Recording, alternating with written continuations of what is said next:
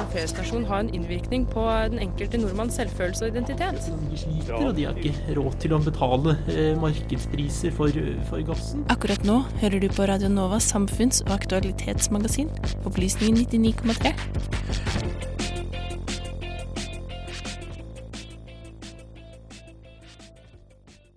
Jeg er her med Rune Berglund Steen. Eh, Rune, tusen takk for at du kunne snakke med oss her i Opplysningen. Ja, takk for at jeg fikk komme. Du er en eh, forfatter, aktivist, samfunnsdebattant, og siden 2013 så har du vært leder i Antirasistisk Senter. Mm. Så jeg var innom nettsida deres og så at det var jubileum eh, nylig. Mm. Og der sto det at du skrevet en liten artikkel hvor det sto at den antirasistiske bevegelsen har holdt på i 40 år, men det er stadig behov for voksenopplæring i grunnleggende antirasisme, grunnleggende rettsprinsipper og ren og skjær anstendighet. Mm. Så da kanskje vi kommer innom ren og skjær anstendighet, men jeg vil i hvert fall få litt grunnleggende voksenopplæring i antirasisme, kanskje. Så for å starte, hva er den eh, viktigste delen av arbeidet du gjør? Ikke sant? Jeg tror med noe av det jeg konkret refererte til der, det var forslaget fra Listhaug om doble straffer, annet. Eh, Jeg refererte til flere ting. Det var liksom litt av bakteppet for, for det jeg skrev der. Eh, Nei, hva vi og jeg gjør altså, Vi jobber for så vidt veldig bredt, og det meste arbeidet Antirasistisk Senter gjør, eller veldig mye av det, er ungdomsarbeid. Vi har to ungdomsavdelinger som, eh, som er der for ungdommer i Oslo øst og, og Oslo sør. Eh, Vi gir rettshjelp til folk som blir utsatt for rasisme. Vi kartlegger rasisme, utgir rapporter, ikke veldig mange, men, men utgir noen rapporter om, om noen av de, de tingene vi synes er viktigst. Den siste liksom den større rapporten med en kartlegging av rasisme er fra 2017 og handlet om rasisme og diskriminering som rammer barn og unge. Og så deltar vi selvsagt i samfunnsdebatten på ulike måter. Det har vært viktig for oss både, ja, egentlig gjennom det meste av historien å, å følge med på høyreekstremisme. Uh, klart at det har fått nytt fokus igjen etter, etter 2011 og 22. juli. Så det er vanskelig å peke ut én ting. Uh, det er ganske mye, og, og mye av det vi gjør, ser man ikke. fordi mye av det vi gjør, er liksom litt sånn på bakken uh, blant, blant unge, spesielt i Oslo. Mm. Ja, så jeg vil fokusere litt mer på, eh, på antirasisme generelt. Så da kan vi starte med et veldig åpent spørsmål. Så hva er antirasisme? Da kan man begynne å være rasisme, på en måte. Men altså, antirasisme Den antirasistiske bevegelsen, i i den moderne utgaven av den, startet jo øh, i Norge etter at det kom fremmedarbeidere, som man den gang kalte det hit. Og ble tatt imot med åpne armer av mange, men, men betydelig mengde også ganske hatsk eh, reaksjoner av, av en del. Så antirasisme ble jo, ble jo da grunnlaget for en bevegelse som, som skulle menneskeliggjøre mennesker som, som ble fremstilt som, som en fiende eller som en skade for samfunnet. Og det er jo til en viss grad kjernen av hva det stadig er. Altså, det er så mange måter å definere det på. Man kan Selvsagt så handler det om noe positivt. Det handler om inkludering, det handler om å bygge fellesskap. Det handler om å, å, å, å eh, utbre forståelse for, styrke troen på verdien av et sammensatt fellesskap. Men så handler det også om hva man, sier, det man kan formulere negativt. Da. Kampen mot ekstremisme, kampen mot fordommer, mot stereotypier, mot, mot, uh, mot hat. Jeg har eh, sittet på en definisjon ifølge Anti-Racism Digital Library, som var en ressurs jeg fant eh, online. Eh, og de sier eh, Anti-racism can be defined as some form of focused and sustained action with the intent to change a system or an institutional policy, practice, or procedure which has racist effects. Det kan man si. Altså, den knytter direkte an til det institusjonelle, og det var vel kanskje litt for smalt, men det kan selvsagt være det også. Mm. Eh, så, men jeg vil nok regne det som litt bredere enn det. Altså Antirasisme kan være Det er ofte mange forsøk på, å definere antirasisme på en sånn endegyldig og smal måte nå om dagen, men reelt sett så kan det være veldig mye. ikke sant? For, for, for noen så er det kampen for et fargerikt fellesskap, for andre handler det om kampen mot ekstremisme, og for andre en har fokus på kampen mot da, det som er nevnt der, institusjonelle former for det man kan kalle rasisme. Eh, nokså utbredte, det problemet med etnisk profilering fra, fra politiet. Hvor vi vet at, at folk med minoritetsbakgrunn både i Norge og i andre land sjekkes i betraktelig større grad enn andre ungdommer. Da har du institusjonell, institusjonell form for rasisme. Men så er det å koke antirasisme ned til én ting eller én definisjon, det tenker jeg nok er veldig, veldig krevende. For det er, Antirasister er, er ganske bredt sammensatt. Eh, De fleste antirasister er ikke spesielt enige. Altså Man trenger ikke være enige med hverandre. Det er mange antirasister som vil ha helt ulike tilnærminger til hva man skal gjøre og ikke skal gjøre. Det fins antirasister som er for scenenekt, det finnes antirasister som er mot scenenekt. Sånn at Antirasisme er jo egentlig en ganske bred ting. Og i en viss forstand så er det klart mange er, altså Det viktigste måten å være antirasist på, er egentlig i ditt daglige virke å ikke diskriminere. ikke sant? Det finnes masse folk f.eks. på høyresiden som ikke nødvendigvis er antirasistiske aktivister, men som likevel vil være nøye på å ikke diskriminere hvis de skal ansette folk. Da er du også en god antirasist på en måte. Du trenger ikke være aktivist for å være antirasist. Ja, for det er vel noe det i eh, hvordan vi definerer begreper som jeg tror blir ganske viktig. Um, så hvordan man definerer rasisme er kanskje det, det, det, viktigste å starte med når man skal snakke om hva det vil si å være en, en, en antirasist. Um, så rasisme kan jo ha en veldig snever definisjon, som har å gjøre med holdninger folk har om hvorvidt uh, noen mennesker er bedre enn andre basert på f.eks. hudfarge. Um, og hvorvidt man aktivt diskriminerer. Og så har det også kommet mye bredere definisjon. Uh, F.eks. på Store norske leksikon nå så har de en stor uh, del som handler om kultur, rasisme. Mm. Og vil si Hvis man ser på, på en, en, kultur bedre enn en, en annen, f.eks. Uh, hvordan ser du på ordet rasisme relatert til dette her? Igjen, det er i seg selv noe man kunne liksom snakket om en, en, time eller to. Men det er altså ja, for den, den smale, klassiske definisjonen er jo at rasisme er er biologiske forskjeller basert på da, eh, oppstilte ideer om raser. Da. Eh, samtidig så klart at det, For meg så blir det en så smal definisjon at den nesten er verdiløs. fordi det vi altså, for Fordommenes og hatets og stereotypienes historie har egentlig stort sett handlet om, om veldig mye annet også. Jeg, jeg bruker gjerne antisemittisme som eksempel. Som mange egentlig vil tenke på veldig stor grad pga. Hitler-Tyskland, som veldig biologisk. ikke sant? Jøder var underlegne mennesker. Men antisemittismen har egentlig handlet om veldig mye mer enn biologi. Det meste av tiden man har hatt hat og fordom mot jøder, så har den vært religiøst betont. Det var en antijudaisme gjennom mye lengre tid enn det har vært en biologisk antisemittisme.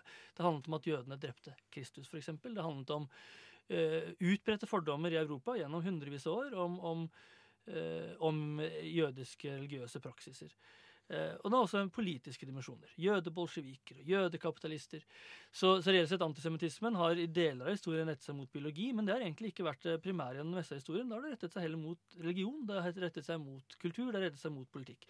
Så for meg så blir det liksom, altså Man kan godt sånn akademisk sett skille ut den biologiske rasismen som en egen ting. Men selv på en måte altså rasisme mot afrikanere, da, som man da igjen kanskje tenker på som liksom kjernen av liksom den biologiske rasismen, den er også forbundet med, med kulturelle utformer for, for uh, fordommer. Ja, primitive afrikanske kulturer, ikke sant. Uh, sånn at, at uh, Jeg tror ikke vi skal gjøre det lett for oss der, fordi det er komplisert. det er faktisk sånn at det kan ha noe med kultur å gjøre.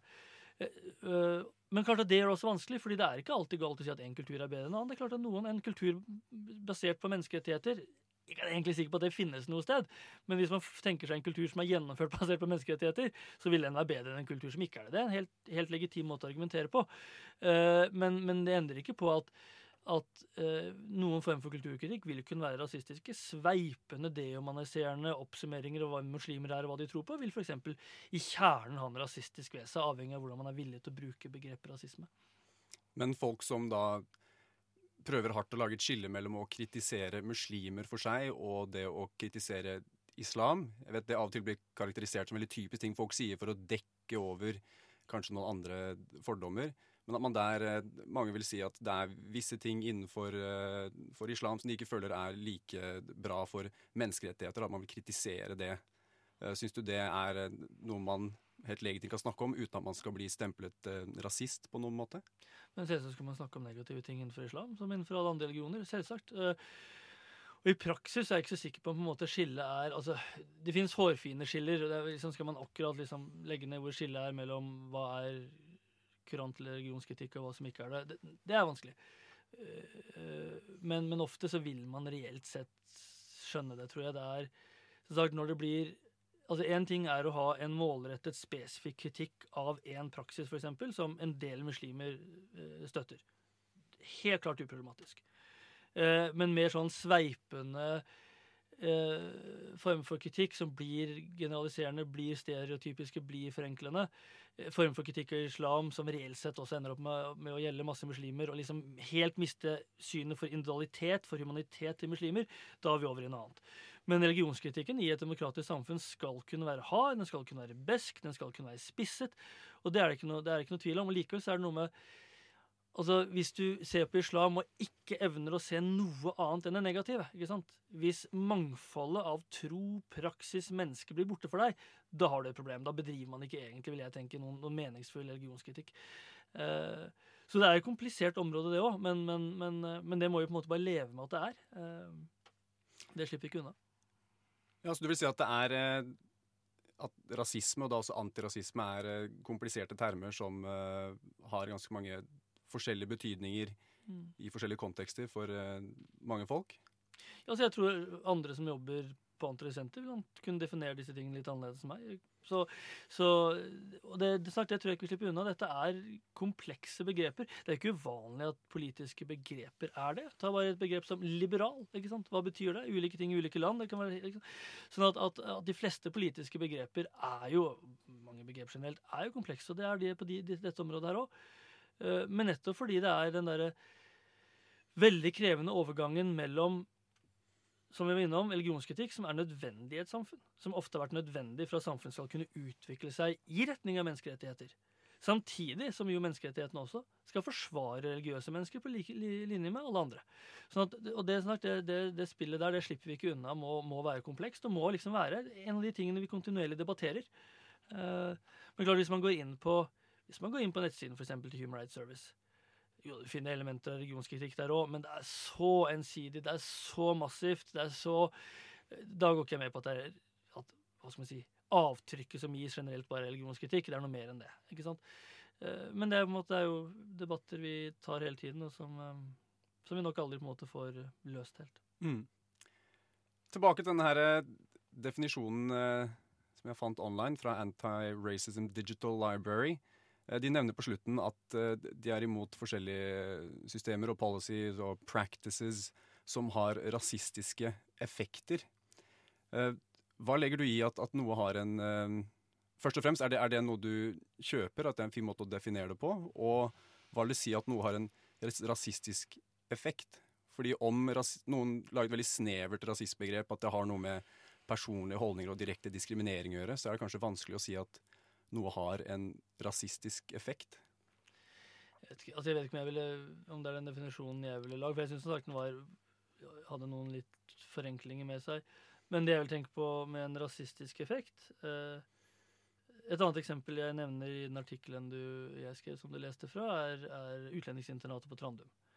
Eh, som jeg nok vil mene altså Jeg har fulgt det ganske mye, og min opplevelse er de som innsatte der, standardene for hvordan avviste asylsøkere behandles, kan være såpass lav. Det avviker. Det er, dårlig, det er lavere standarder på mange områder enn det er i alminnelige norske fengsler. Uh, og når de eneste som da stort sett rammes av det, er mennesker fra andre land, stort sett andre deler av verden, uh, og når det er slitt debatt om det, når det er slitt oppmerksomhet om det, om slitt interesse om det, så mener jeg at ja, det, har, det er et relevant tema for et antirasistsenter. Er det sånn at disse menneskene som sitter der, vi ser dem mindre, vi bryr oss mindre om dem, det er lettere å behandle dem hardt pga. hvem de er. Så ja, det kan ha den behandlingen. altså den, Det som utgangspunktet sånn er en utlendingspolitikk som, som Norge har lov til å ha osv. Men likevel, når vi behandler visse grupper av mennesker såpass klart dårligere enn vi behandler våre egne borgere, f.eks. Selv om ikke hensikten er rasistisk, selv om de som driver det, ikke nødvendigvis har, vil noen gang ha en rasistisk ideologi eller noe i nærheten av det, så blir det likevel en forskjellsbehandling som kan ha elementer av, av rasisme i seg. Og Det er på en måte noe av det de, de var innom i den definisjonen med på en måte det systemiske. da. Problemet med systemer er at kan masse, system kan ha rasistiske effekter uten at folkene altså i prinsippet uten at noen av de som deltar i systemet i det private som privatpersoner vil være rasister. Eh, eh eventuelt at noen er det. Jeg tror f.eks. innen politiet helt klart det er en del, det er folk i politiet med dårlige holdninger. Men det er også mange mennesker med veldig gode holdninger men så likevel kommer inn i en kultur, kommer inn i Hvis du f.eks. jobber mye med i visse om, områder av Oslo, jobber mye inn mot gjenger, så er det klart at du kan bli preget av det. Du kan ende opp med å se ungdommer med minoritetsbakgrunn på en mer negativ måte enn det mange fortjener, å bli preget av det. Da kan også effekten bli rasistisk, selv om politipersonen som, som som kanskje da sjekker ungdommer mye mer enn det man burde gjøre, og sjekker masse uskyldige ungdommer, egentlig er overhodet ikke rasistiske holdninger, så kan du bli preget av jobben. Så systemer kan på en måte eh, det er noe av det komplekse ved systemer, at, at, eh, at eh, systemer kan ha selvsagt effekter uten at måte, intensjonen nødvendigvis er der, uten at de som deltar i det, engang nødvendigvis er, er, har den typen intensjoner.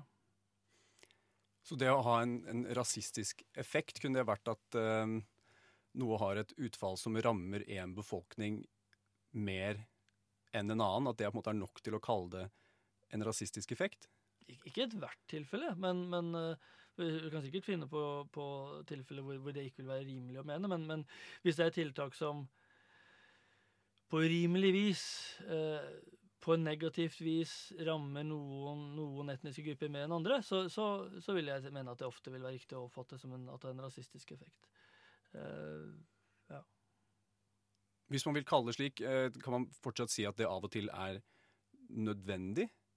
Uh, prøv å tenke nå Ofte når vi snakker om rasisme, så tenker vi på USA. Så vil ha mm. flere folk som tenker at en, en hardere um, om man skal slå hardere ned på uh, voldelig kriminalitet, f.eks., så kommer det da til å gå hardere utover svarte menn, da, hovedsakelig. Fordi de rett og slett begår mer voldelig kriminalitet. Også fordi de lever i fattigere områder, og veldig mange grunner til at det, det, er sånn. Men at man da slipper ikke unna at det da kommer til å ramme den befolkningen mer enn en kanskje den hvite befolkningen. Eh, men at noen fortsatt kan argumentere for at det, det er nødvendig fordi man vil takle den underliggende kriminaliteten. Det kan, men, men det, debatten om USA og kriminalitetspolitikk der er jo et utrolig komplisert område i seg selv, og USA har på en måte sin egen historie. Forklart at fengslene USA Det er jo også mye som går på at, at svarte da blir, blir, straffet oftere, blir straffet hardere for samme type forbrytelser, og, og fengslene er jo overkant oppfylt, overfylt med, med personer med, med, minoritetsbakgrunn. Så jeg tror man allerede altså ja, selvsagt så vil det kunne være en forskjellsbehandling. Altså Hvis du har øh, fattige områder hvor minoriteter som er preget av minoriteter, så ja, så vil personer med minoritetsbakgrunn ofte begå, begå, kriminalitet. Vi ser litt sånn i Oslo nå hvor, hvor, hvor i samme områdene hvor det i gamle dager bodde nokså fattige hvite nordmenn, så bor det nå flere med minoritetsbakgrunn. Og vi ser liksom de samme generelle mønstrene. Selvsagt folk som bor i fattige områder, begår statistisk sett, noen av dem, med kriminalitet. Og da vil også det få konsekvenser for kriminalitetsstatistikken. Men når man ser på, på USA, så, så, fremstår det heller som at eh, at det går overdrevent i den retningen. Altså at man, man, slår veldig hardt ned, hardere ned på noe som er gjort av en svart person, enn noe som er gjort av en hvit person. Og mange flere, jeg tror mange flere uskyldige svarte blir sjekket, blir kontrollert, og risikerer også, også overdrevne politireaksjoner.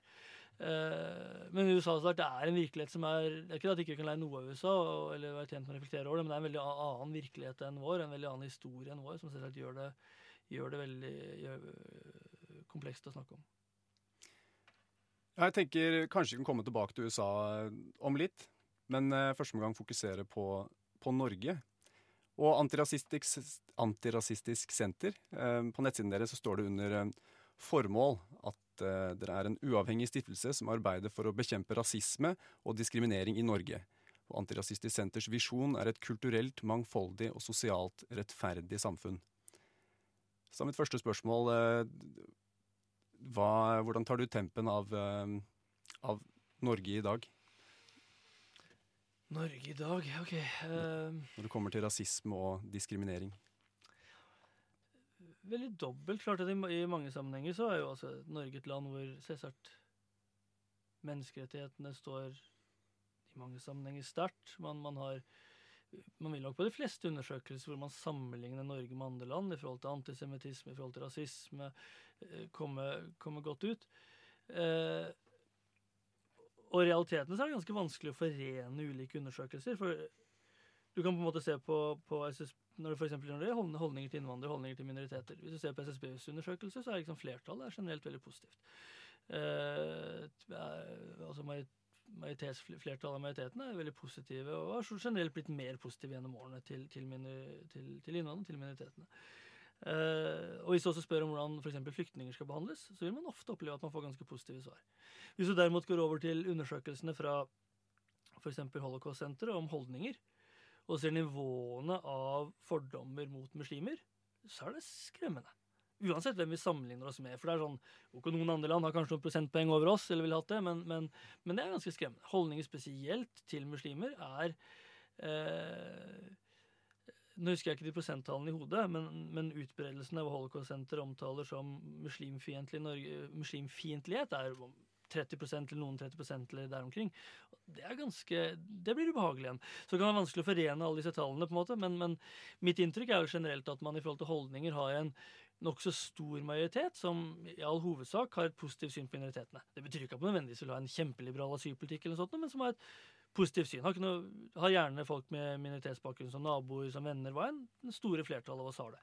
Så er det mitt inntrykk at du har en minoritet innenfor majoriteten da, som, som har blitt mer krakilsk innvandringsfiendtlige og minoritetsfiendtlige. Så jeg opplever at vi deler, lever i en sånn delt virkelighet når det gjelder holdninger. Eh, når det gjelder handlinger, så er det klart at vi, vi vet fra undersøkelser at, at, det er markante forskjeller på, på, de muligheter man vil ha i arbeidslivet, avhengig av hvilken bakgrunn det har. Den statistikken er ganske kompleks, for det handler om ulike faktorer. Men, men, men man vet at hvis du har minoritetsbakgrunn, så vil du i forhold til mange typer jobber ha dårligere sjanse til å komme inn på intervju, og du vil ha dårligere sjanse hvis du kommer inn på intervjuet, til å få jobben. Eh, men så avtar det med høyere utdannelse, f.eks. Så for folk som har høyere utdannelse, vil ikke forskjellen normalt være så stor. eller noe særlig forskjellig i det hele tatt. Så vi vet at det er problem med holdninger, vi vet at det er forekomster av faktisk diskriminering. Eh, likevel så er ikke Norge en verstingland i verden. Selvsagt ikke. Asylpolitikken vår er i ferd med å bli en versting. Eller har blitt det. Det, det er klart. Men, men, men, men, i forhold til rasisme og diskriminering, så er det klart land, Norge er et land med, med nokså mye bevissthet rundt det. Det har vært nokså mye statlig innsats mot det. og det er, det er gode holdninger i store deler av befolkningen. Men, det er et sammensatt uh, bilde. Mm. Så dere arbeider for å bekjempe rasisme og diskriminering, står det. Uh, tror du det er mulig å bekjempe rasisme og diskriminering? Jeg, jeg leser inn i det at, uh, at, vi vil på en måte komme til et nullpunkt. Er det Nei. Men man kan bekjempe noe av det, på en måte, selv kan man ikke bekjempe det. Men man kan jo gjøre masse konkrete ting. Altså Den ene rapporten vi ga ut om rasisme som rammer barn og unge, handler ikke minst om rasisme i skolen. Altså Vi spurte barn og unge med minoritetsbakgrunn, eh, også samisk bakgrunn, jødisk bakgrunn, reisende bakgrunn, eh, hvor, hvor, de opplevde mest eh, diskriminering, hvilken arena i samfunnet, og skolen skilte seg helt klart ut som det de opplevde mest. Naturlig fordi de tilbringer mest av tiden der, men det var likevel ganske nedslående å se hvor mye eh, og hvor mange som hadde opplevd mye. Eh, og i skolen, som på en måte man tenker virkelig burde vært bedre i stand til å håndtere det, så viste skolen seg altfor ofte helt, helt uforberedt til å håndtere ganske grove rasistiske hendelser. Og det er en form for rasisme man faktisk kan gjøre noe med. Ikke sant? Du kan sørge for at skolen er bedre beredt. Du kan sørge for at skolen er bedre i stand til å gjenkjenne det når en elev kommer og, og, og forteller at, at uh, de andre elevene i klassen vil ikke spise maten min fordi jeg er svart. De vil ikke spise mat jeg har lagd. Uh, det er noe skoler kan bli bedre på, på å håndtere. Man kan, man kan uh, Det finnes til og med programmer for å undervise i liksom, holdninger som kan liksom, motvirke den typen ting. Uh, og I tillegg så kan skolen bli bedre på å ta tak i det når det skjer.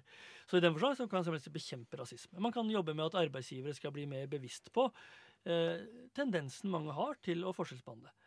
For igjen så er det sånn, og det, vi, altså det er statistikk fra, fra, Institutt for samfunnsforskning og Fafo er det vel, som, som, er veldig klar på at arbeidsgivere forskjellsbehandler. Først ut fra navn, simpelthen. Sara Rashid versus Ida Johansen.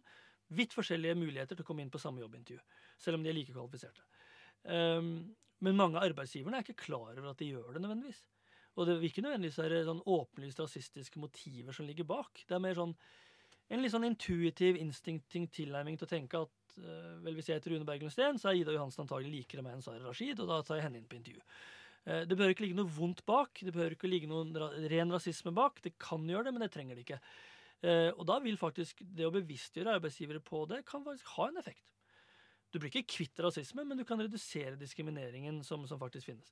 Men det er ingen som har på en måte en illusjon om at, at, at, dette er et arbeid som blir borte. Det er et arbeid man må gjøre hele tiden. Men når vi vet at det er reelle størrelser, vi vet at vi vet at har du ut en utleieannonse i, i Oslo, eh, så får du dobbelt så mange tilbud hvis du heter noe sånn som meg, som hvis du heter noe muslimsk. Sånn er det. Du vil få deg bolig hvis du heter noe muslimsk òg, men du vil bare få halvparten så mange muligheter. Eh, vi vet alle disse tingene inne nå. Eh, og veien for å nulle ut forskjellen er nok rimelig lang, men, men du kan hva skal man si, statistisk sett så kan du redusere. Du kan redusere hvor mange elever som utsettes for dritt, hvor mange elever som opplever at skolen ikke er beredt på å håndtere det, hvor mange som ikke tas inn på jobbintervju fordi de har feil navn. Alt dette kan vi iallfall gjøre tiltak for å redusere. Så det er en form for direkte diskriminering da, som blir lettest å eh, eventuelt måle og se at man kan gjøre noe med? Én måte. Så, altså, så, så, hvor langt, ja. hvor langt er dere, vil du si at man er villig til å gå for å, å, å, bekjempe holdninger, da? Eller har det noe å si hvordan noen tenker inni seg, så lenge de ikke lar det ha en innflytelse på f.eks. hvem de gir en, gir en, jobb? Er det noe som man burde se på som, um, som et ansvar, at man skal prøve å bekjempe hva som ligger inni hjertene til folk, da, hvis vi skal si det sånn? Klart at Antirasistisk arbeid handler om det òg, men, men, men, men, eh, selvsagt handler antirasistisk arbeid mye om holdninger. Uh, og i all hovedsak så har jeg på en måte De siste 30-40 årene i Norge har jeg drevet fram holdninger i majoritetsbefolkningen som, som, hvor, hvor, flertallet har hva vi vil oppfatte som positive, gode holdninger. Uh, de fleste store flertall av nordmenn vil jo ikke bevisst heller forskjellsbehandle noen. Uh, men holdninger er samtidig altså Klart for oss så er mye som kommer fra høyrepopulistisk hold, bidrar til å utbre holdninger som vi oppfatter som problematiske. Mye av den islamofobien eller muslimhat eller muslimfiendtligheten som man, man uh, har kartlagt uh, fra Hålsenterets side, klart at det har utspring i, i, spesielt Fremskrittspartiets retorikk gjennom mange mange år. Uh, for oss er det da selvsagt viktig i seg selv å prøve å demme opp for det. Påpeke hvor forenklende det ofte blir, hvor skandaliserende det blir, og at man har bygd et fiendebilde gjennom mange år. Samtidig så er liksom hva Fremskrittspartiet gjør, er en del av alminnelig demokratisk debatt. Det er ikke noe man kan begrense, det er ikke noe man kan scenenekte. eller De må få lov til å gjøre det de gjør, men det de gjør, har konsekvenser for mennesker. Det, det bidrar til at, at nordmenn som et generelt statistisk ellers ganske åpent folkeferd i forhold til muslimer, har utvikla et ganske solid sett med fordommer og stereotypier. Og Da skiller jeg mellom kritisk sans, for det må de gjerne ha, men, men liksom, når, du, når, når man på spørsmål generelt uttrykker engstelse for muslimer, generelt helst ikke vil ha muslimer som nabo, ikke vil ha muslimer på arbeidsplassen, og ganske mange svarer på det eh, på en negativ måte, så, så har det endt opp der hvor du har generalisert ganske mye. Og klart at En del av det som skjer i demokratisk debatt, har bidratt til det. Men det, ikke, altså det kan vi ikke gjøre noe direkte inngripende forhold til, for sånn må det være. Sånn er demokratiet. Det har Fremskrittspartiet, det har Human Rights Service, det har Dokument.no rett til. Men klart at, at det er viktig for antirasister å pushe tilbake mot de holdningene. Uh, og så er det viktig på et annet nivå at selv de som på en måte er vet ikke, Og det er liksom viktig for meg fordi, å, å, å fremheve at altså, det viktigste for oss egentlig på en måte er jo Uansett hvilket syn du har på, på asylpolitikk og på innvandringspolitikk osv., uh, at du beholder evnen til å møte enkeltpersonene og ikke diskriminere i det daglige. Og Det tror jeg faktisk er ganske mange som er uenige med meg på veldig mange ting. Jeg blir sikkert oppfattet som radikal i asylpolitikken, som jeg har jobbet en del med. Men veldig mange som vil være enig med meg, vil jo likevel, vil jo likevel være i mange andre sammenhenger gode antirasister. Uh, og på en måte er det tross alt noe av det viktigste. Jeg er ofte uenig med folk i Minerva, men jeg tviler ikke på at mange av dem er gode antirasister uh, i det daglige. Uh, tvert om. ikke sant? Men de står for en litt annen form for antirasisme. En form for antirasisme jeg kanskje ikke alltid vil være enig i, er det. Men, men, men de står absolutt for en form for antirasisme. og, og og det, det, er på en måte noe med, det er mye bråk i, offentlig debatt. Men veldig mange av oss som diskuterer, vil jo i realiteten, når det kommer til stykket, være enig i mye av det grunnleggende. ikke sant? En av de jeg krangler mest med, er sikkert Kjetil Rollnes. Og, og, og, vi står langt fra hverandre i mange sammenhenger. Men jeg tror ikke han diskriminerer folk i det daglige. Jeg tror vi ville stå sammen på den plattformen der, være enige om det. Og det er i seg selv, det er ikke nok i alle sammenhenger, og det er ikke alt, men det i seg selv er faktisk ganske viktig. At, at det store flertallet i Norge vil faktisk ønske å ikke diskriminere i det daglige. Så om man er en um, altså Du er en uh, nordmann som har vokst opp uh, litt ute på bygda og ikke har møtt noen særlig folk fra, som ikke er hva skal man si, typisk blåøyde, blonde etniske nordmenn, og, og, innrømmer at man egentlig ikke føler seg så veldig trygg med at folk skal flytte inn i bygda di.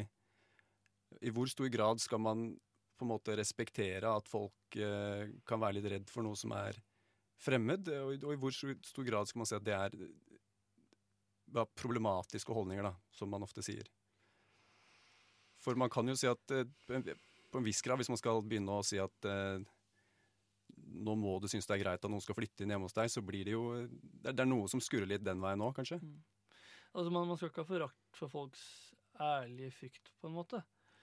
Uh,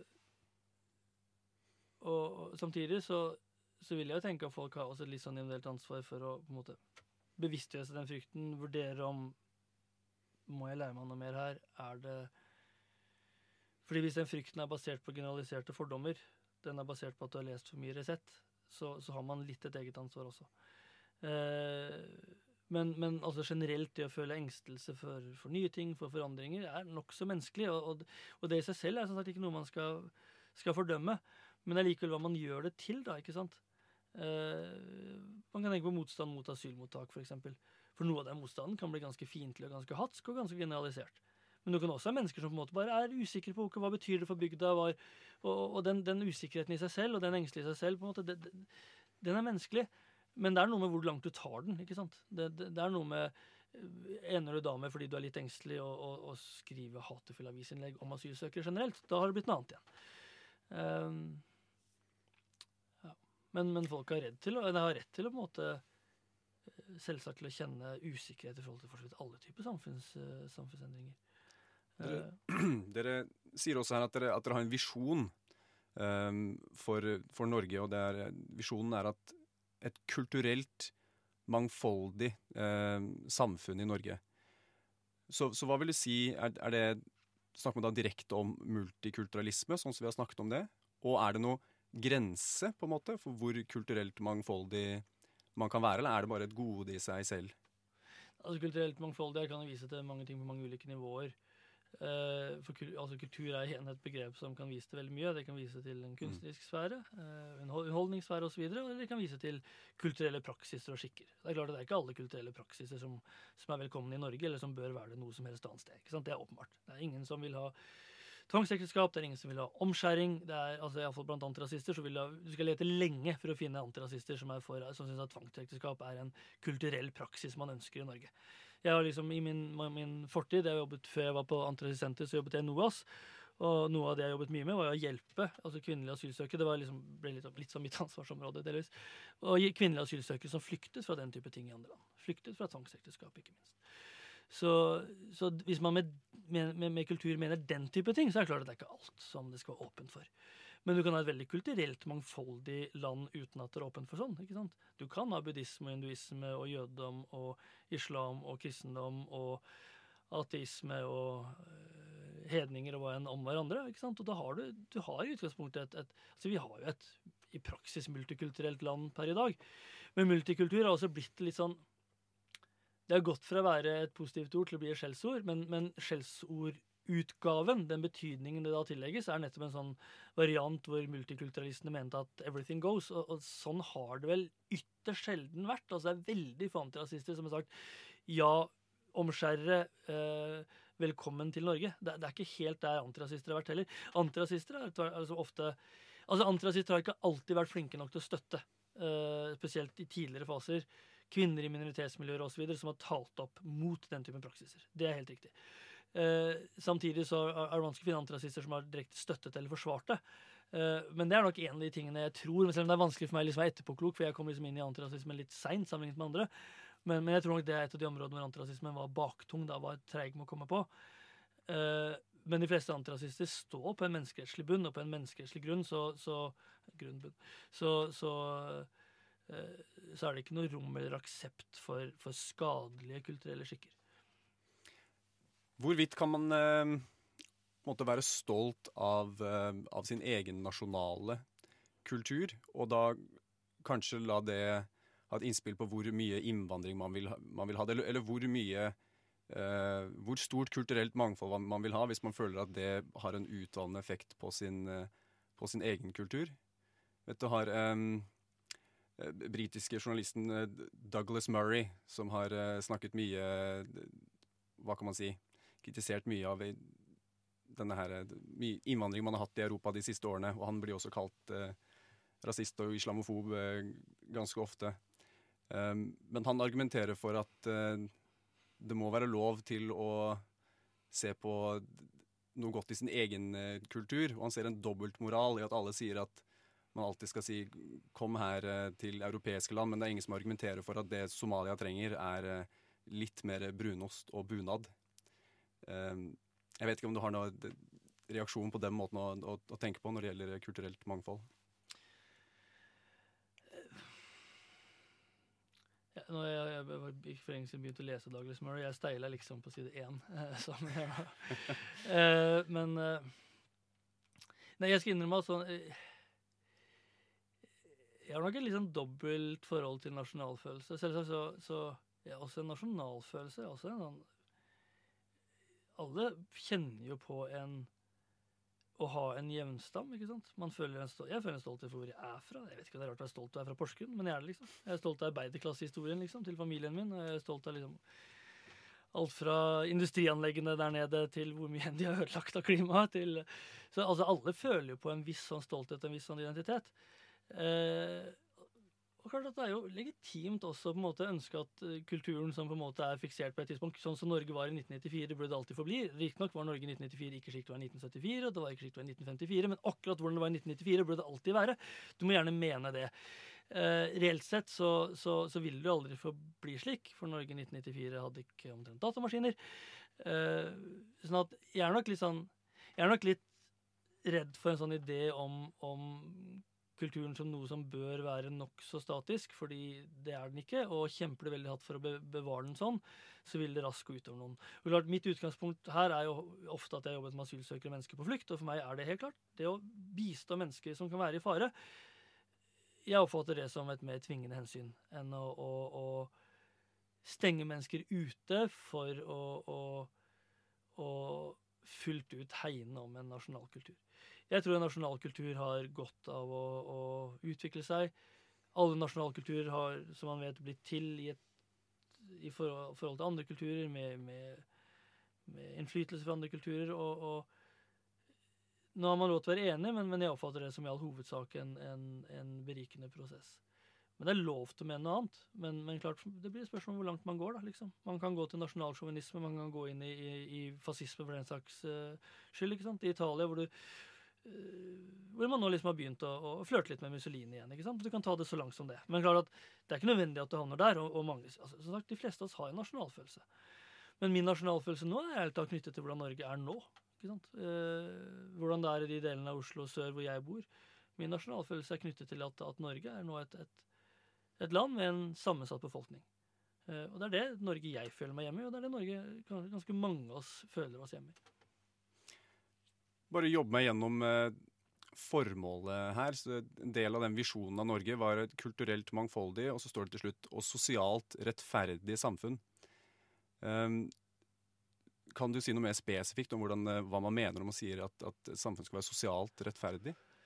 Det er ikke jeg som valgte de ordene i sin tid, men det kan jo, hva man legger i sosialt, kan jo være så mye. Men klart, det er ikke, samfunnet er ikke sosialt rettferdig når f.eks. personer med minoritetsbakgrunn er dominerer negative statistikker i forhold til fattigdom. Da er det ikke sosialt rettferdig. Um, så, så, nå vil man aldri ha et samfunn uten noen form for forskjellsbehandling, men, men, eh, men eh, det er for mange barn med minoritetsbakgrunn som lever under fattigdomsgrensa, f.eks. Så da, da, klart at da vi ikke, har vi ikke nådd et mål om, om å være sosialt rettferdige. Jeg ville bare prøve et lite nikk til, til USA. Eh, jeg har prøvd å finne ut litt om antirasisme. Et første som dukker opp, er eh, eh, to karer. John McWhorter, professor fra Columbia, og Glenn Lowry, som er en professor på Harvard. Begge sorte menn fra, fra Amerika som tar veldig oppgjør med begrepet antirasisme. Og de, de, kaller det da third wave anti-racism, snakker de om. Og han John McWhorter han eh, beskriver det litt som en, en religion.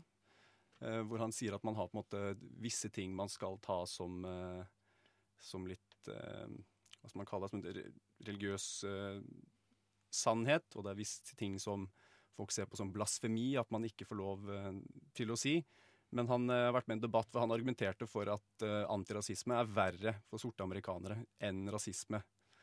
Um, og slik jeg har forstått det, Hovedargumentet hans var at um, det får folk til å bare ved å sette fokus på rasisme, som leder til negative utfall, som alle, alle ser at man har i, uh, i um, USA, siden at det gjør at folk ikke tenker så mye på f.eks. Um, antall sorte menn som skyter hverandre, og at man da heller fokuserer for mye på den hvite politimannen som, som skyter noen. Så han sier ja, det er veldig mye rasisme, og det er et problem, men dette her fokuset på å si at rasisme alltid er problemet, når man ser at det er så mange andre problemer, eh, vil disse to herremennene kalle for, eh, for absurd og se på som direkte skadelig, da, fordi det er for dem som det er ment for å hjelpe. Ser du, ser du en lignende potensiell problematikk? Det er vanskelig å respondere på de to uten å ha lest uh, artikkelen. Men det er jo noen grunnleggende forskjeller. For det første så har jeg ikke inntrykk av at man i USA ikke fokuserer på kriminalitet gjort av svarte. Så det fremstår heller som at man har fokusert veldig mye på det, og, og har bygd en, enorm mengde med fengsler, ikke minst pga. det. Eh, det er vel heller, heller, på en måte et, fremstår som et overfokus på, på svarte og kriminalitet.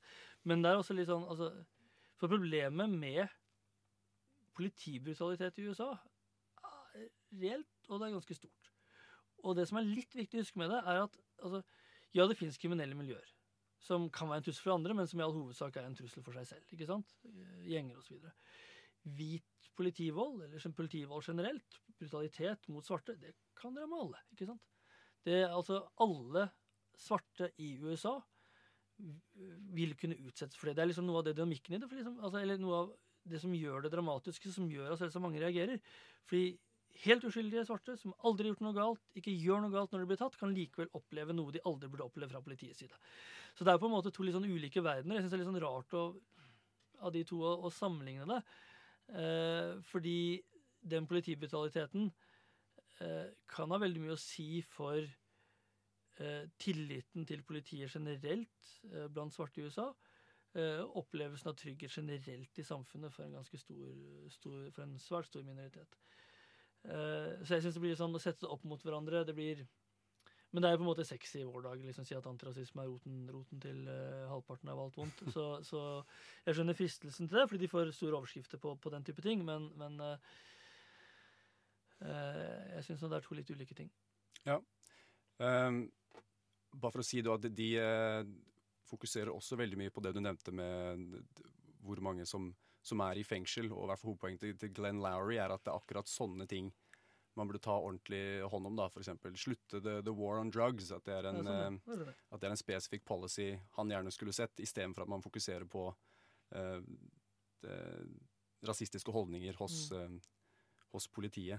Ja, men Det er et interessant perspektiv. og Det er det det er vanskelig å respondere på en artikkel jeg ikke har lest uh, fullt ut. Og, mm. og, der har man nok et, et poeng. Og hele, hele, den amerikanske narkotikapolitikken er jo en debatt i seg selv. Jeg, jeg, jeg, jeg har lyst til å gå inn i en debatt om nå velger jeg det selv da, om narkotikapolitikk, men det er jo det er jo utgangspunktet regnet som at, at, forbudslinjen i USA hadde en del å gjøre med hvem som brukte visse typer narkotikastoffer. ikke sant, Og at det var svarte.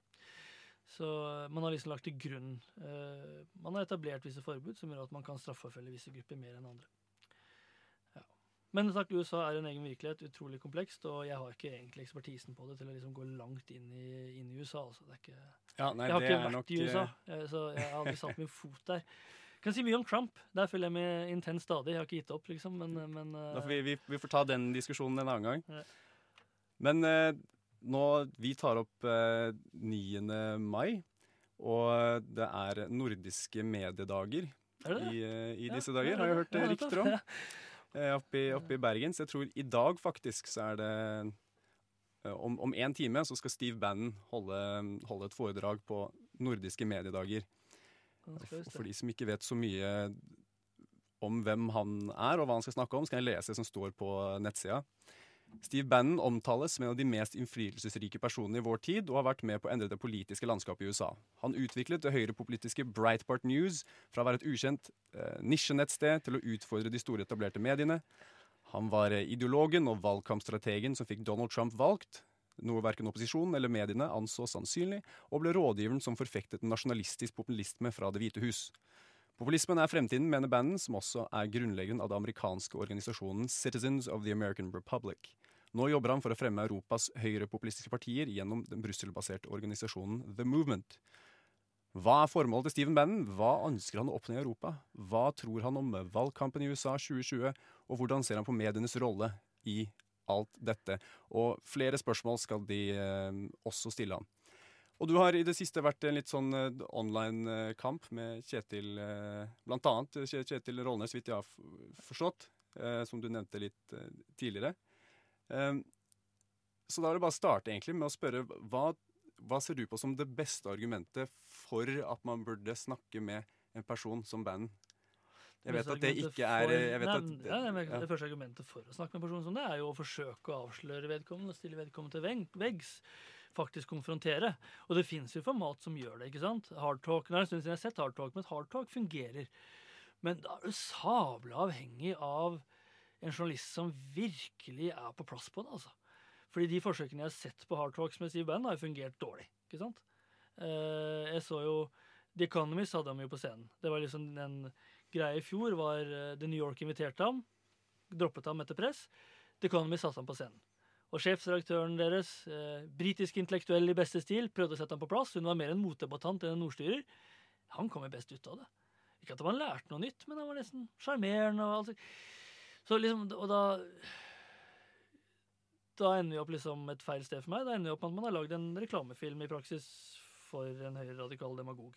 Men det, eh, det, de skal spørre han om, er jo mer relatert til eh, media og, og strategiene han brukte, og noe som mange kanskje ser på som interessant. Om, om, man er fundamentalt uenig med han, så kan man jo si at det er fortsatt interessant å høre hva han har å si om disse tingene. For det er jo krefter som vi trenger å, å deale med. Mm. Jeg tror ikke at det er da en, en, en, god grunn til å ha ham der og, og lytte til hva han har å si. Og man kan da kanskje lære mer enn om man ikke hadde ham der?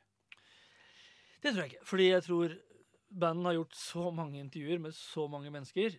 Skal mye til for å overraske ham. Og det er ikke sånn at han kommer til å sitte og liksom røpe sine hemmeligheter. Han sier det som er strategisk lurt for ham å si, ut fra det formålet han har. Han kommer ikke til å avsløre en eneste skit som ikke, som ikke han på en måte ønsker skal være avslørt. Så den argumentasjonen kan man egentlig bruke. Den argumentasjonen kunne man brukt overfor Goebbels på 30-tallet. Eh, det man trenger å lære om banden, den kan man lære av, av, å studere et av de utallige intervjuene som fins, eller hva han faktisk har gjort. Ikke den antagelig delvis forfalskede fremstillingen han kommer til å gi, gi i dag. Eh, så, men altså, jeg, jeg, skjønner journalisters grunnleggende sånn impuls med at man skal kunne snakke med alle, men det er likevel forskjell på hvem man snakker med og intervjuer på en vanlig måte hvem man setter på en scene. Det er, det er jo tross det er mulig at ikke alle forstår den distinksjonen der, hvorfor noen av oss øh, oppfatter den som litt sånn sentral. Da, men, men, det er klart at jeg, jeg, mener ikke at man ikke skal intervjue Steve Bannon noen gang. Jeg mener ikke at man i en situasjon hvor ytre høyre er eh, dels i framvekst i, i deler av Europa og også USA, så er det klart at det er medias rolle å grave i det og dekke det analysere det. Og Da må man også snakke også med nynazister. Men det er likevel noe litt annet og de fleste tror jeg forstår den litt sånn instinktivt med å sette en aktør som det på en scene. Og De fleste av oss vil skjønne at det er noen ikke ville gjort det med. og Da blir det mer spørsmål om grensen. Ville vi satt Hitler på en scene? Ville vi satt Mussolini på en scene? Ville vi satt Goebbels på en scene? Kanskje før vi skjønte helt hvem de var. Eh, men det er, ville vi satt nynazister på en scene? Der ville veldig mange medier kvite seg. Så, så, det blir mer en sånn, Når det kommer til stykket, så tror jeg egentlig ganske mange skjønner hvorfor vi, hvorfor vi, har innvendinger. Det er mer hvor man trekker grensa, og hvorfor trekker vi den ved banden. ikke sant? Eh, mange medier ville trukket ved en nynazist. De ville ikke ha satt en nynazist på scenen, antagelig. Men, men de vil sette banden. Og for meg så blir det litt sånn fordi For meg er banden farligere enn de fleste nynazister er per i dag. ikke sant? Han er mer fordekt. Uh, ingen vet egentlig hva agendaen hans er. for jeg tror helt at han ikke sier så mye om det. Uh, du ser det meste av hvem han samarbeider med. Og de han begynte ville samarbeide med, var ting som British National Party. Og da snakker du fascister. Så skjønte han at det var kanskje ikke det mest opportune du kunne gjøre, så da fant han noen som var litt mer stuerene. Men det er der han egentlig ligger. For han var BNP, liksom British National Party, var greia hans. det var det han, Og English Defence League, som altså er dels sånn gatehooligans. Det var der han trodde framtiden lå, fram til han så at framtiden kunne ligge bedre steder. Men han kommer ikke til å sitte der i dag som den som støtta BNP-ledel. Han kommer til å sitte der som den som støtter Trump og Salvini og Orban. Som er langt skumlere enn de noen gang var. Men han kommer til å være ganske fordekt, tror jeg. Han kommer til å være retorisk sterk og, og, og spille spillet sitt. Og så får vi se om man, man klarer å avsløre ham på det, men, men de fleste tilfeller så blir sånne samtaler ganske hyggelige og ganske lite avslørende. Jeg har lyttet litt til det banden har å si Og det, det, meste jeg da kan om han, kommer, kommer fra en, eh, si, en, lang tale han holdt for Oxford Union man, i fjor, som man kan finne på, på YouTube. Um, så da tar han uh, Han sier at han er uh, helt i, i, imot eh, nazister og mener at etniske nasjonalister og sånn er, er tullete folk. Så jeg lurer på i hvor stor grad syns du at man burde fokusere på hva som blir spesifikt sagt et sted, og i hvor stor grad skal man se på men se på hvem han kjenner og hvem han har hengt med, med før. Jeg føler at det er jo et på en måte viktig, kanskje, men eh, også et, et, spill som man kan gjøre med, med, hvem som helst, kanskje. Man kan finne noe den personen har sagt, den har snakket med denne personen. Eh, så, så, hvor går grensen mellom å si det de egentlig mener er dette, og når skal vi si men dette er det de sier? For noen kommer bare til å høre det som faktisk blir sagt, og tenke at mm. det høres jo ganske rasjonelt ut. Ikke nødvendigvis det Steve Bannon sier, tenker jeg mer mm. generelt. Ja, hva tenker du om det? Nei, men Det er nettopp det, fordi fordi han er ikke verst gjennom hva han sier direkte all, allerede. Han, han, er ikke den som utpreger seg med vulgære rasistiske utsagn. Og utrolig nok er liksom det nok til at han går under radaren for en del. For det er ikke sånn at han har vært litt sånn tilfeldig i forbindelse med et par ting. Dette har vært karrieren hans. Altså Da han leda Breitbart og utvikla det til et høyradikalt sted eh, Eller det var det, men altså rendyrket det som det. så, så hadde, hadde de jo en, en, tilnærming hvor de inkluderte white supremacists og, og, og folk på nynazistisk hold. ikke sant? Det var jo, eh, Hvor mye detalj jeg skal gå i der, men Milio Janopoulos, som liksom var protesjeen hans, eh, henta jo inn eh, folk som klart tilhørte den liksom ytre, ytre fløyen, med bandens velsignelse. De visste at de tok inn antisemitter. Tonte ned antisemittismen deres, men de visste at de gjorde det. Og det er jo lekt masse e-poster om hva de faktisk Sånn at de, det bandens, bandens prosjekt var, fremsto som å renvaske de delene av ytre høyre som han tenkte han kunne renvaske. Hans og, og de han kunne alliere seg med. Etter hvert så opplevde han nok liksom rene, nyna, altså rene nynazister er en belastning. ikke sant? Og, og, han har vel aldri åpent liksom gått ut der, men, men de hadde folk med fra nynazistisk hold som, som, som ble liksom eh, invitert inn. Eh, men, men, det fremstår som, som, veldig taktisk, nettopp fordi han har liksom ikke skydd det der så veldig.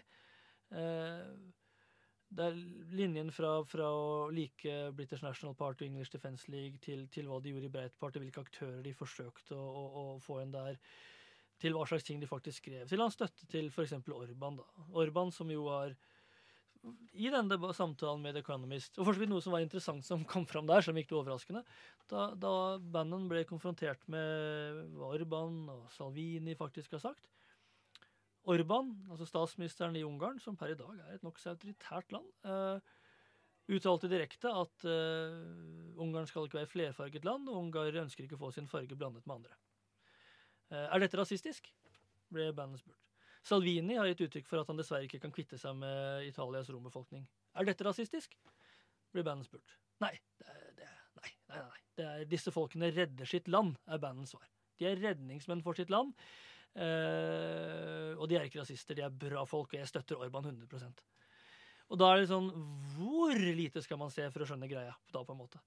Uh, Orban som en statsleder, som er helt klart autoritær, ikke sant? har ødelagt mye av det lille som fantes i ungarsk demokrati. Uh, klart med en antisemittisk brodd. Ungarn er det landet som liksom har ført en direkte antisemittisk kampanje på regjeringsnivå mot da George Soros. eller Soros. Jeg skal gå inn på hvorfor den var antisemittisk, men det er liksom den tydeligste antisemittiske kampanjen du har hatt i et europeisk land fra regjeringshold etter annen verdenskrig, antagelig. Og, og, og, den fant du ekko av hos Breitbart. Du noen, fant noen samme retorikken mot uh, Soros som den der jødiske edderkoppen. De sier det ikke på den måten, men, men, det er på en måte sånn han blir betrakta på ytre høyre. Du finner masse anti-Soros-demagogi blant nazister og blant ytre høyre generelt. Du fant det hos Orban, og du finner det hos Breitbart. Og det at han på en måte, når han setter seg ned, snakker penere, uh, det blir liksom det blir litt for enkelt, for han har skjønt at han skal snakke penere. Og, og, han har skjønt at han ikke skal si ting direkte. Men det er likevel, det, dette er det han fremmer. Det er den typen autoritær statsleder han er fan av. Eh, og Orban er demokratiets undergang. Ja, jeg tenkte da å uh, ta et skritt tilbake fra, fra bandet, så får folk uh, finne ut selv hva, hva de syns om, eh, om ham, og hvem han eh, menger seg med, og hva eventuelt hans plan er. men heller fokusere mer konkret på det jeg ser på som de tingene han eh, angivelig står for når han får muligheten til å stå på en, en, en dannet scene. Da. Om det er noe om, om, du ser noen problemer i de ideene i og for seg, når de ikke er knyttet til Steve Bannon. Så han er jo for populisme. Å snakke om at det er makt til, til, folket, på en måte. At man ikke skal Eh, gi for mye makt til Han kritiserer veldig mye de store de korporasjonene på Wall Street og politikere som eh, holder på med dem.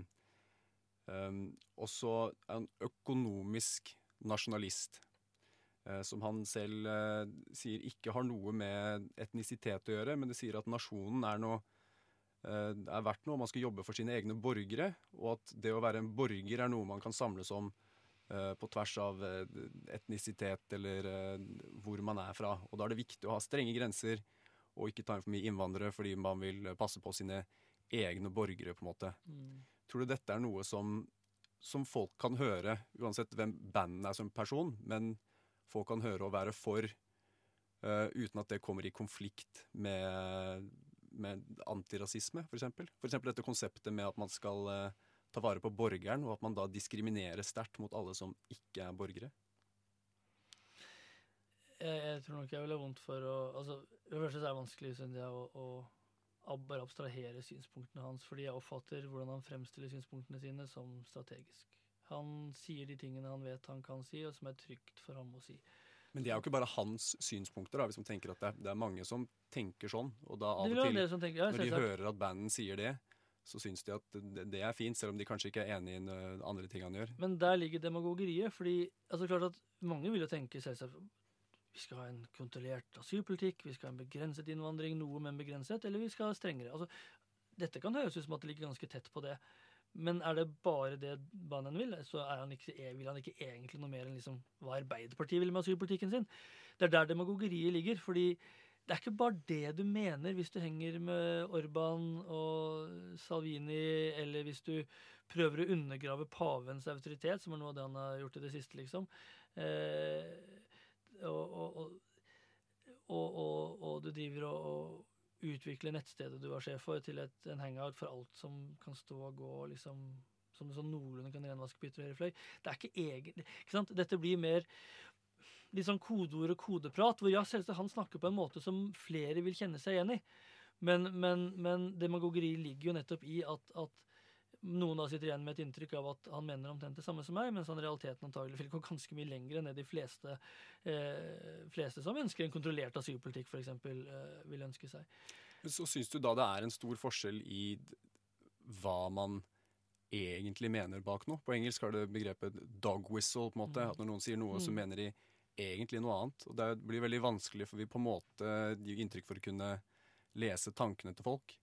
Og man kan jo se for seg en situasjon der hvor eh, person A og B står for samme politikk, men den mm. ene gjør det fordi den har lyst til å ta vare på minoriteter, mens den andre gjør det fordi han tror at det kommer til å skade minoriteter. Men det er på en måte samme utfall. Så hvorvidt skal vi fokusere på de konkrete utfallene og det vi kan måle? Og hvorvidt skal vi snakke om hva som ligger bak, eller intensjonen eh, er dette her? Komplisert. Jeg vet ikke om vi fortsatt snakker i forhold til banden, for klart i forhold til banden så tror jeg ikke på at intensjonen er det han får ja, nei, Så jeg prøvde å komme litt unna, ja, unna band. banden. Jeg synes Det er vanskelig å svare på det når, når det blir såpass abstrakt. Det måtte nesten vært et, et, konkret eksempel. I all hovedsak i all hovedsak er konsekvenser det viktigste. Og konsekvenser er, er i praksis viktigere enn intensjon. Eh, men, men, det blir likevel Hvilke konkrete eksempler jeg prøver på her, er eh, på en måte nasjonalisme, da, som mm. ofte blir brukt som eh, litt sånn skittent ord i dag. Um, mm. Eh, men da folk som har lyst til f.eks. Eh, brexit, hvor folk har lyst til å forlate Europeisk union man vil ha, Mange argumenterer for det fordi vi vil ta tilbake kontroll, suverenitet. Vi vil være et eget land med fokus på vår nasjon. Vi vil ha kontroll over egne lover. på en måte. Um, og at man kan da si at de er nasjonalister på et vis. da. Og hvorvidt det er en konflikt mellom det og, og, um, um, og antirasisme, da, for å ta det tilbake til starten. Men nei, men det, altså, nei, Man skal ikke stemple alle som stemte for brexit som nasjonalister. eller noe sånt nå. Ikke sant? Det finnes, selv om jeg syns brexit var uheldig, så finnes det jo legitime grunner til å altså det, det, så, så, du kan helt sikkert være en antirasist og likevel være for brexit. Uh, kan man være antirasist og nasjonalist samtidig? kommer veldig an på igjen hva du legger i, i antirasisme. Du kan selvsagt være en Nasjonalist blir igjen et av de der begrepene som kan bety så mye. Men klart at du kan ønske å ha et, et, et land med nokså kontrollerte, altså kontrollerte grenser, begrenset innvandring, og likevel være antirasist i det rent daglige og ikke diskriminere mennesker og behandle folk. Så den typen antirasist kan man være, selv om man, man på en måte eh, dyrker liksom en sånn moderat form for isolasjonisme. da. I praksis så er jeg vel litt mer tvilende til hvor ofte det vil være sånn. Hvis du er mer sånn hardbarka nasjonalist, så, så har jeg vel vondt for, for, for, å tro helt på det. Men, men, øh, øh, men mennesker er komplekse, og jeg tror jeg kommer til å gjenta meg selv hvis jeg, hvis jeg kommer med flere setninger nå. Ja. men eh, takk skal du ha. Og eh, ja, vi får vel høre hva, hva bandet endte opp med å si da, på disse mediedagene. Det er vel mulig å se det online kanskje i, i morgen. Eh, nå har jeg holdt deg her veldig lenge. Jeg vil si uh, Tusen hjertelig takk for at du tok turen. Og et siste spørsmål er eh, om du har noen tips til lytterne våre. Hvis, uh, om du har f.eks. En, en bok eller noe som har gitt deg du føler har vært veldig viktig for måten du, du ser på verden, eller tenker på antirasisme, f.eks. Uff. Nei, det jeg, leser, det jeg leser mest, er lyrikk. Det jeg vet ikke om jeg skal Nei, da blir det fort da blir det polske lyrikere som skrev om annen verdenskrig, liksom. Jeg vet ikke om, om, om okay, Kan vi redde lytterne våre fra det? ja. Men, uh, ja. Men takk for at jeg fikk komme. Tusen hjertelig takk, Rune Berglund Steen.